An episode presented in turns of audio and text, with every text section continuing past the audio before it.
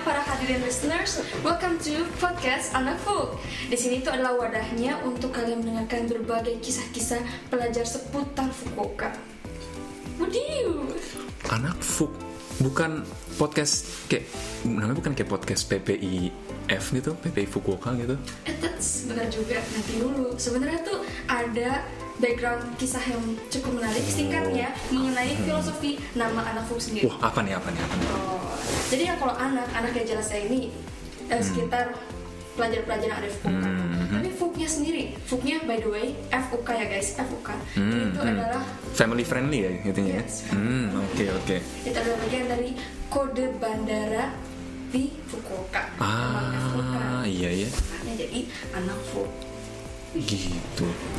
Anak Fuk, ya gampang ya nyebutnya ya. Hah. Hmm, makanya kan jadi kayak memang catchy buat didengar sama kalian semua dan kalian bisa sharing buat ke teman-teman sekalian. Eh, podcast anak FUK nih, podcast anak FUK nih. Ih, gampang ya ngomongnya ya. Anak Fuk. Hah. Makanya. PPIF Fukuoka nggak panjang panjang. Anak Fuk. Iya kan, repot kan? Oke. Hmm. Kita by the way belum memperkenalkan diri gitu ya? Eh, iya, eh, iya benar juga. dari gue dulu ya. Oke. Oke, halo guys. Aku host satu atau dua nih? Satu ya. Iya, Oh, oke satu satu. Oke oke. Enggak enggak lebih tinggi, enggak lebih tinggi, cuman biar angka doang. Host satu, namaku Aldo. Uh, di sini bachelor tahun keempat, jurusannya applied chemistry. Uh, aduh jangan gitu dong malu malu malu. Uh, aku aku ke Jepang ini ke Kyushu University lewat jal uh, di program International Undergraduate in English. Jadi kelasnya bahasa Inggris. Jadi Jepangku kayak nggak jago-jago amat. Yoroshiku ya. Yoroshiku. Wah, Nah lanjut sekarang. Host number two. Assalamualaikum. Selamat malam semuanya.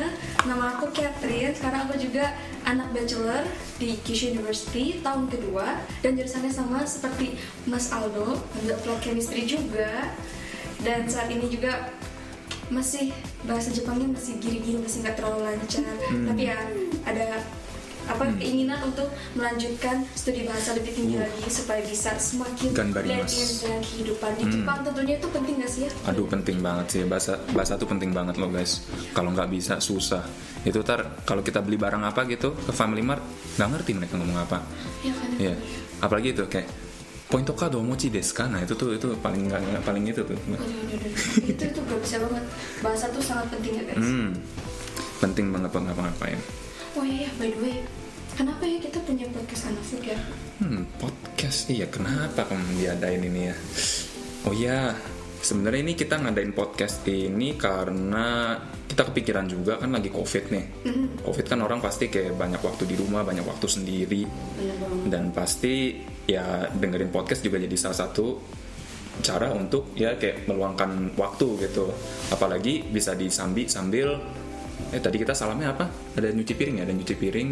ya misalnya tuh kayak sepedahan gitu mau ke kampus Oh iya iya benar-benar ya atau sepeda mungkin naik kampus. kereta perjalanan mau ke mana gitu ya teman-temannya Betul betul betul perjalanan ke mana-mana pakai pakai earphone udah dengerin orang ngobrol podcast Iya. itu. mana Mm-mm, betul sekali, bener bener bener. Apalagi ada Spotify kan sekarang Spotify, SoundCloud, YouTube banyak banget. Kita bisa dengerin hampir dari mana aja. Nah, bisa download offline juga kan jadi nggak usah Hmm, betul betul betul. Nggak perlu kayak radio, nggak perlu radio juga ya gitu. Terus satu alasan lain juga sih, Men- alasan lain karena ada gimana ya selama ini kayak gua ngobrol-ngobrol sama orang-orang sama teman-teman gitu ya se- kayak teman-teman di sini. Baru cuman kayak teman-teman satu daerah nih gitu ya. Itu banyak banget cerita-cerita yang menurut gue menarik banget gitu. Ini cerita-cerita yang pengen gue sampein juga ke orang lain. Cerita hidupnya kok kayak seru banget gitu loh. Gue tiap orang tuh gue yakin pasti ada cerita-cerita kayak gitu. Tapi sayangnya nggak tersampaikan ke banyak orang gitu yang tahu cuman dikit kayak cuman teman-teman sekelilingnya doang gitu. Hmm, padahal cerita hidupnya tuh seru gitu. Dan menurut gue kalau orang denger pasti kayak orang bisa belajar dari situ. Iya iya bener. dan makanya ya itu pengen diadain podcast macam kayak gini gitu Iya bener banget ya. Jadi kayak in addition tuh memang seru, asik gitu ya. Bisa juga jadi inspirasi nggak cuma buat teman-teman yang masih belajar di Fukuoka, bahkan juga teman-teman yang lain yang mungkin mau studi ke Jepang atau mau kerja di Jepang. Mau Hmm, betul betul ya. Ini ya jadi mm, buat para listener juga, ini ya mungkin jadi perspektif ini kayak kuliah di Jepang tuh kayak gimana sih gitu. Oh, anak futsal lah. Berarti di Fukuoka gimana gitu ya? Iya, iya, iya.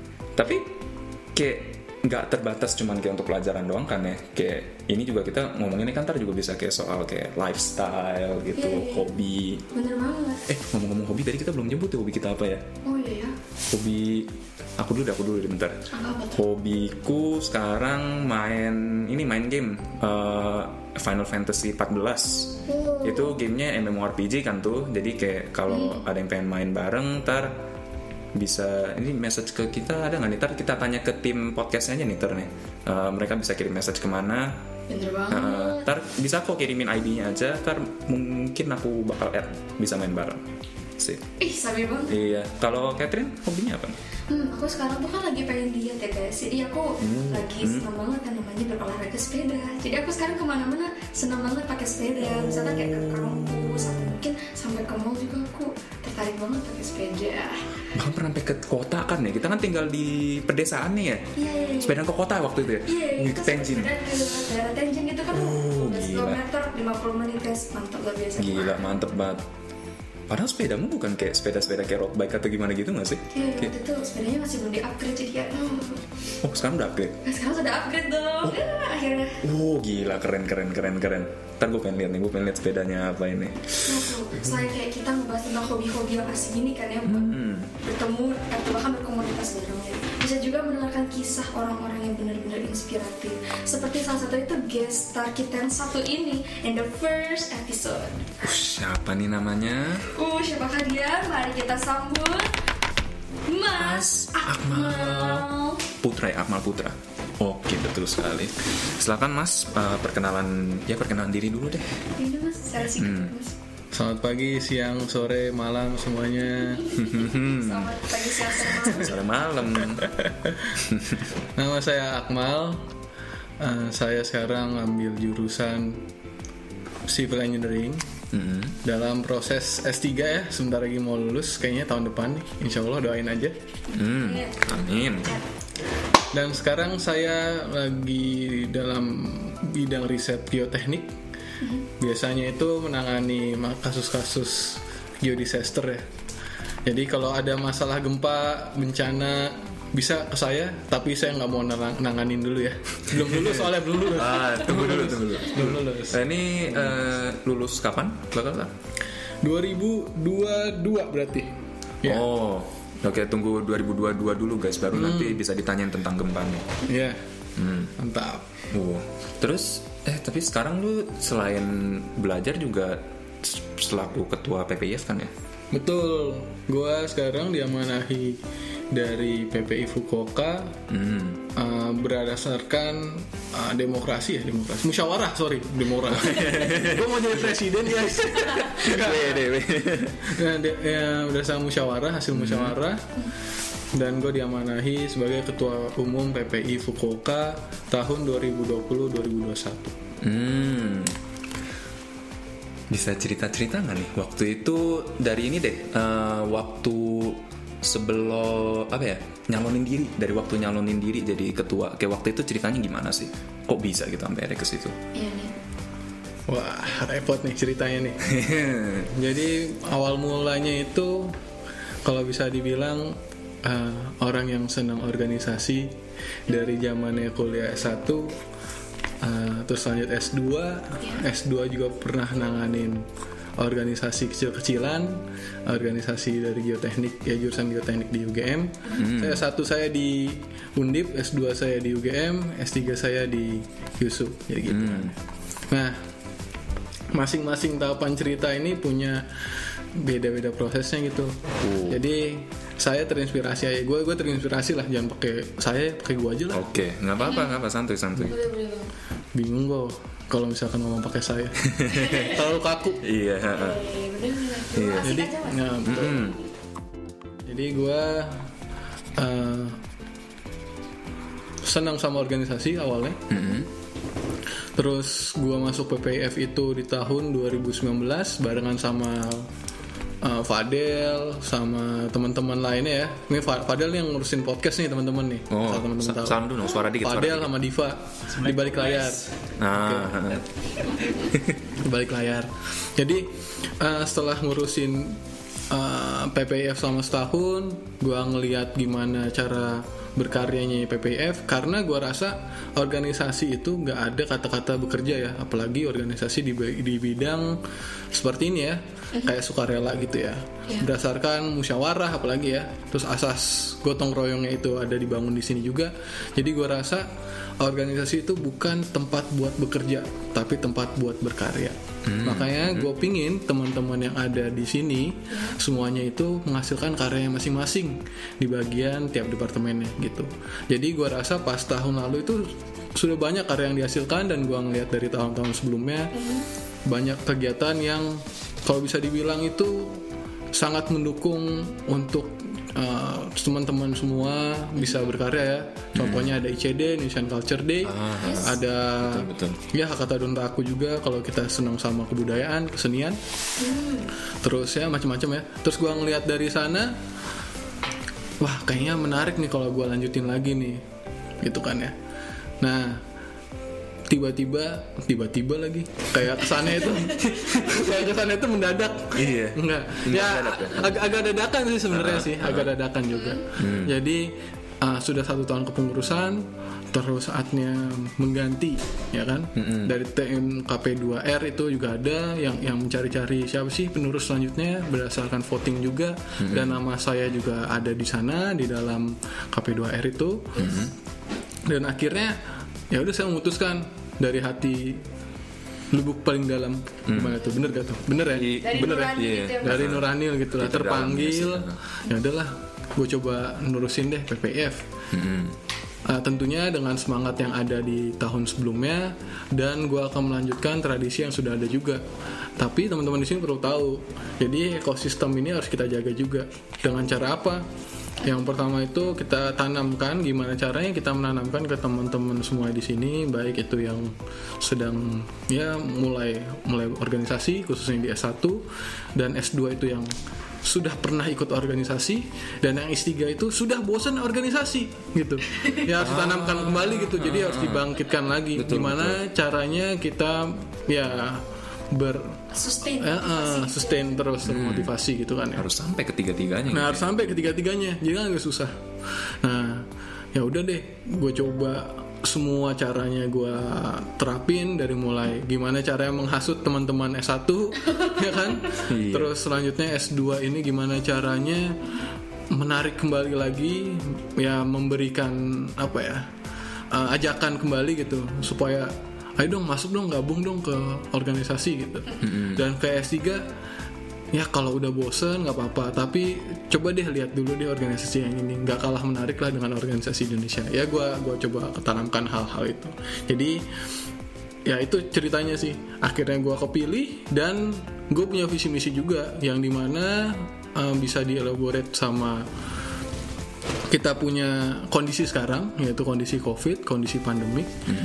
Ya visi gue itu bisa dibilang eh, apa gue lupa lagi bentar ya Iya, bentar ya gue gue pikir-pikir dulu Iya. visi gue itu eh apa ya dia gue lupa lagi deh gue lupa deh Cari nggak, deh. bisa cari, bentar bisa ya cari. gue coba cari dulu ya guys pas online pun masih masih Iya. bisa bersatu gitu di iya gue coba lupa bentar ya intinya. Heeh.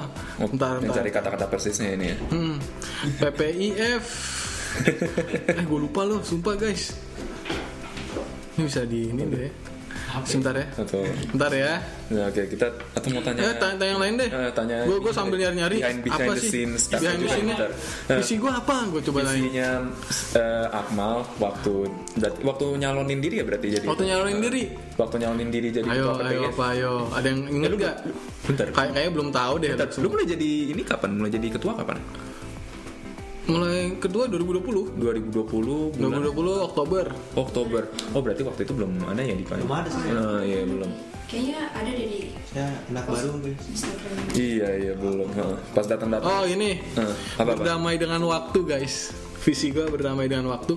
Waduh. Jadi maksudnya itu? ah, jadi kan agak menarik juga ya kenapa berdamai dengan waktu. Da- Dan gue mengambil kata-kata yang bisa dibilang tuh ya nyeleneh ya, nggak nggak nyeleneh nyeleneh banget, ta- tapi bisa diingat teman-teman. Agak sentimental gitu. Agak ya? sentimental. Gitu betul waktu gitu loh kayak karena gua rasa di kondisi pandemi gini kita susah banget untuk ketemu susah banget untuk membuat acara susah banget untuk menyalurkan inspirasi inovasi atau berkaryanya ya susah banget ya jadi gua coba uh, menerapkan kita harus berdamai dengan situasi kayak gini kita harus coba cari celahnya gimana caranya kita ngedobrak rasa-rasa yang istilahnya membendung karya kita dengan dengan visi gua gitu.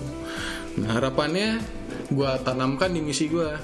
Yang pertama misinya itu adalah inventarisasi persediaan peralatan perlengkapan yang tersebar di anggota itu dan yang kedua itu menjaga keguyuban. Yang khususnya itu gua gua coba uh, di kondisi pandemi gini kan susah kita untuk saling berkomunikasi.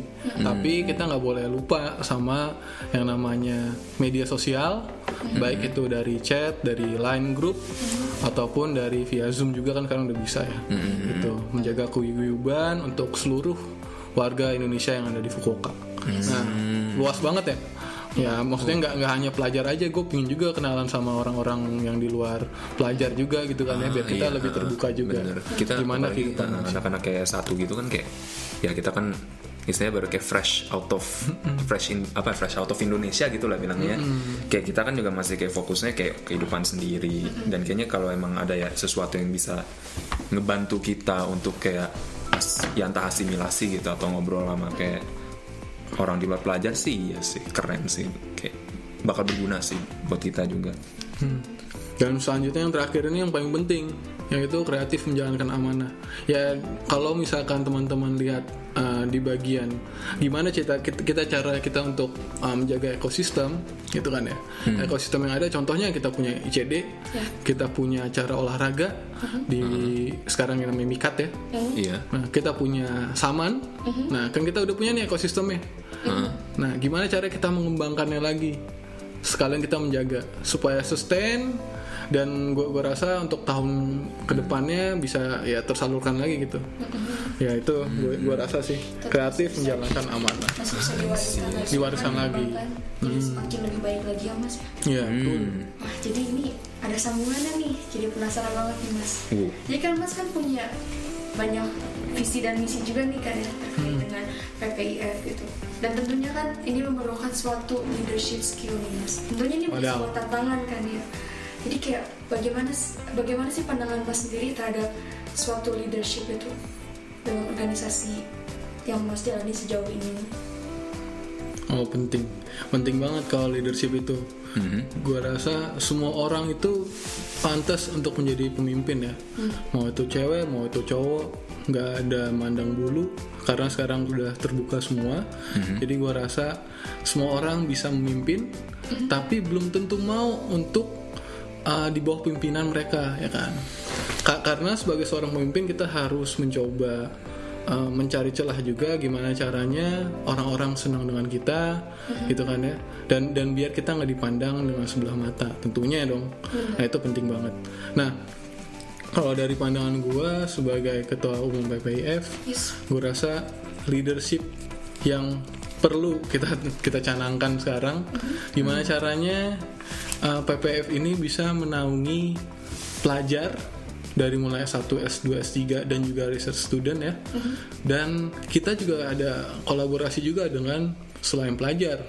Contohnya pekerja yang sudah lama di sini. Kita mau tahu kan, kira-kira ada teman-teman yang pengen kerja di sini. Ka- Karena kalau dari pandangan gue, kalau misalkan gue S1 di sini, gue pingin kerja di sini gitu. Gue pasti pingin banget kerja di sini lah pingin cari pengalaman kerja di sini kan.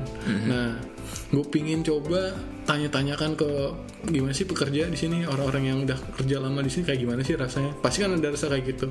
Nah dari hal-hal kayak gitu dari hal-hal kita bisa merangkul uh, semua elemen itu Benar. dari mulai pelajar dan juga pekerja, gue rasa sih menarik gitu untuk untuk menjadi seorang leadership di, di bagian PPIF ya khususnya PPF ya gitu ya. Ka- karena gue gua rasa organisasi terlalu dinamis ya kalau diceritain ya. Mungkin gue seorang leadership di bagian yang uh, ingin merangkul semua uh, kalangan Ya. dan mungkin ada orang lain yang yang yang, yang berbeda gitu cara cara memimpinnya gue rasa gitu sih. iya. Dan menurut Mas itu ada nggak sih eh, cara a good leadership and Hmm. bad leadership gitu ada ada nggak sih yang menurut berat sendiri ya. gitu kayak sesuatu yang kayak hmm, sebaiknya jangan deh kok punya leadership yang seperti ini karena mungkin tidak baik untuk organisasi gitu. Hmm. Hmm. Nah ini kalau kalau gue rasa ini perlu ada dukungan dari timnya sendiri gitu. Ah, Kalau kita punya tim yang cukup, contohnya nih, gue kan sekarang kan punya punya divisi dan di bawah divisi itu kan ada kepala divisinya ya. Yes. Kepala divisi ini tugasnya itu banyak, bukan hanya menyuruh-nyuruh anggota divisinya untuk menjalankan satu amanah gitu ya, atau satu karya. Tapi caranya itu gimana semua poinnya yang yang ada di visi misi gue tadi itu nyampe gitu. Karena kondisinya sekarang seperti ini kondisi yang sedang uh, mungkin semua dunia di seluruh dunia merasakannya pandemi kan ya. Nah gue rasa gimana caranya kita merangkul semua elemen itu. Dan bisa dijadikan uh, kadif ini jadi ya role modelnya untuk PPIF gitu. Ya bisa dilihat kalau misalkan uh, PPI yang maju atau organisasi yang maju gitu kan ya karya-karya yang dihasilkan juga menarik gitu yang yang bisa bisa ditampilkan gitu kan hmm. dan gunanya podcast ini juga bagus juga gitu ya supaya teman-teman tahu gitu keberadaan PPI Iya. Fukuoka sendiri kan ya di Bener-bener. mata Ah. mata dunia wih gaya banget iya dong kan di platformnya juga internasional teh nanti Hmm. Mata akmal Iya, mata aku. Uh, mata gua Wih. Tentang iya tadi nyampein visi misi ya berarti ke apa dari Kadif ke anggota nih. Nah, ini gue pengen tanya ke lu juga nih. Kayak tadi kan gue jujur ngedenger kayak visi misi lu itu tadi kayak keren gitu loh. Kayak gue juga kayak ngerasa jadi kayak iya berarti ya kalau ya sebagai anggota ya berarti gue juga bekerjanya harus lebih ya bekerja lebih keras lagi gitu. Kayak jadi lebih bersemangat lah motivated Berkarya, gitu. berkarya, berkarya. Heeh, kayak eh, bukan bekerja ya berkarya benar tapi ya gitu jadi kayak lebih termotivated untuk kayak melakukan sesuatu gitu. Yang menjadi gimana ya se- selama ini personal pengalaman personal gua kayak yang jadi masalah tuh kayak gimana kayak gimana caranya supaya kita tetap termotivated gitu loh walaupun kayak ya walaupun kayak ada banyak masalah bukan masalah ya tapi ada banyak kewajiban gitu kewajiban sendiri kan kayak belajar ujian dan segala macem pulang kelas sudah capek gitu. Terus kayak eh, masih ada yang harus kita bahas lagi nih tar ada meeting PPIF kan biasanya kan orang kan kayak ah, udah capek gitu. Ngapain meeting lagi gitu ya? Eh, kayak atau apalah ngapain nih kenapa mesti kurusin ini lagi? Gitu kayak belajarnya udah capek gitu kan. Nah ini kayak kalau dari lu kayak gimana ya gitu caranya kayak supaya orang kayak teringat lagi gitu loh. Oh ini loh gitu waktu itu gue ikut gara-gara ini loh gitu Oke, sekarang gue coba jelasin yang dulu gue uh, pernah mendapatkan amanah juga sebagai wakil ketua himpunan di S1 gue ya. Dan sebagai seorang leader, seorang leader ya dari organisasi atau ketua dari organisasi, gue rasa sih penting banget gitu. Gimana caranya kita membuat uh, anggotanya itu termotivasi selalu gitu ya. hmm, hmm. Nah, bener-bener.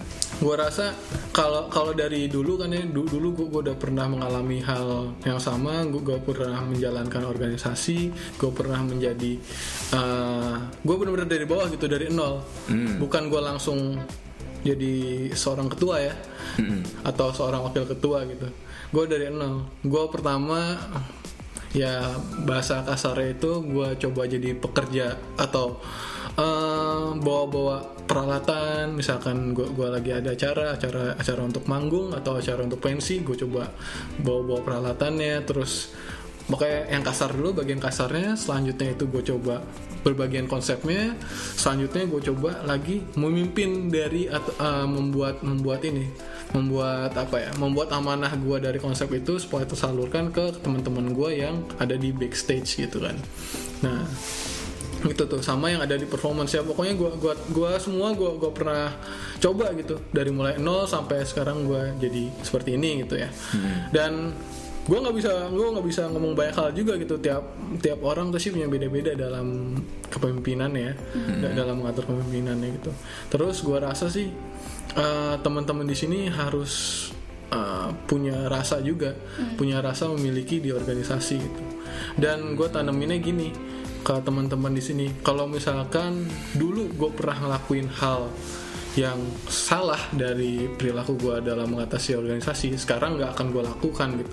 Makanya di setiap organisasi itu setiap uh, acara yang udah pernah dijalanin gue gue coba tanemin gimana caranya kita mengevaluasi dan itu gue rasa bukan saling menjatuhkan dari tim gitu ya kalau misalkan ada tim ngebuat acara selesai itu kan acara dievaluasi terus gue tanyain atau-atau gimana menurut teman-teman dari pihak dari segi pandang teman-teman ya Mm-hmm. dalam mengatasi acara ini ada ada yang kurang atau enggak gitu kan Mm. maksudnya lebih ke inilah apa ya eh, bercermin ke diri sendiri gitu ya. Mm. salah atau enggak sih gue ngejalanin Ah. amanah ini? Salah atau enggak sih gue coba gitu. Karena gue rasa sih gue gua nggak bisa lagi gitu. Sa- sama satu lagi sih mungkin teman-teman di sini tuh pada seneng ya.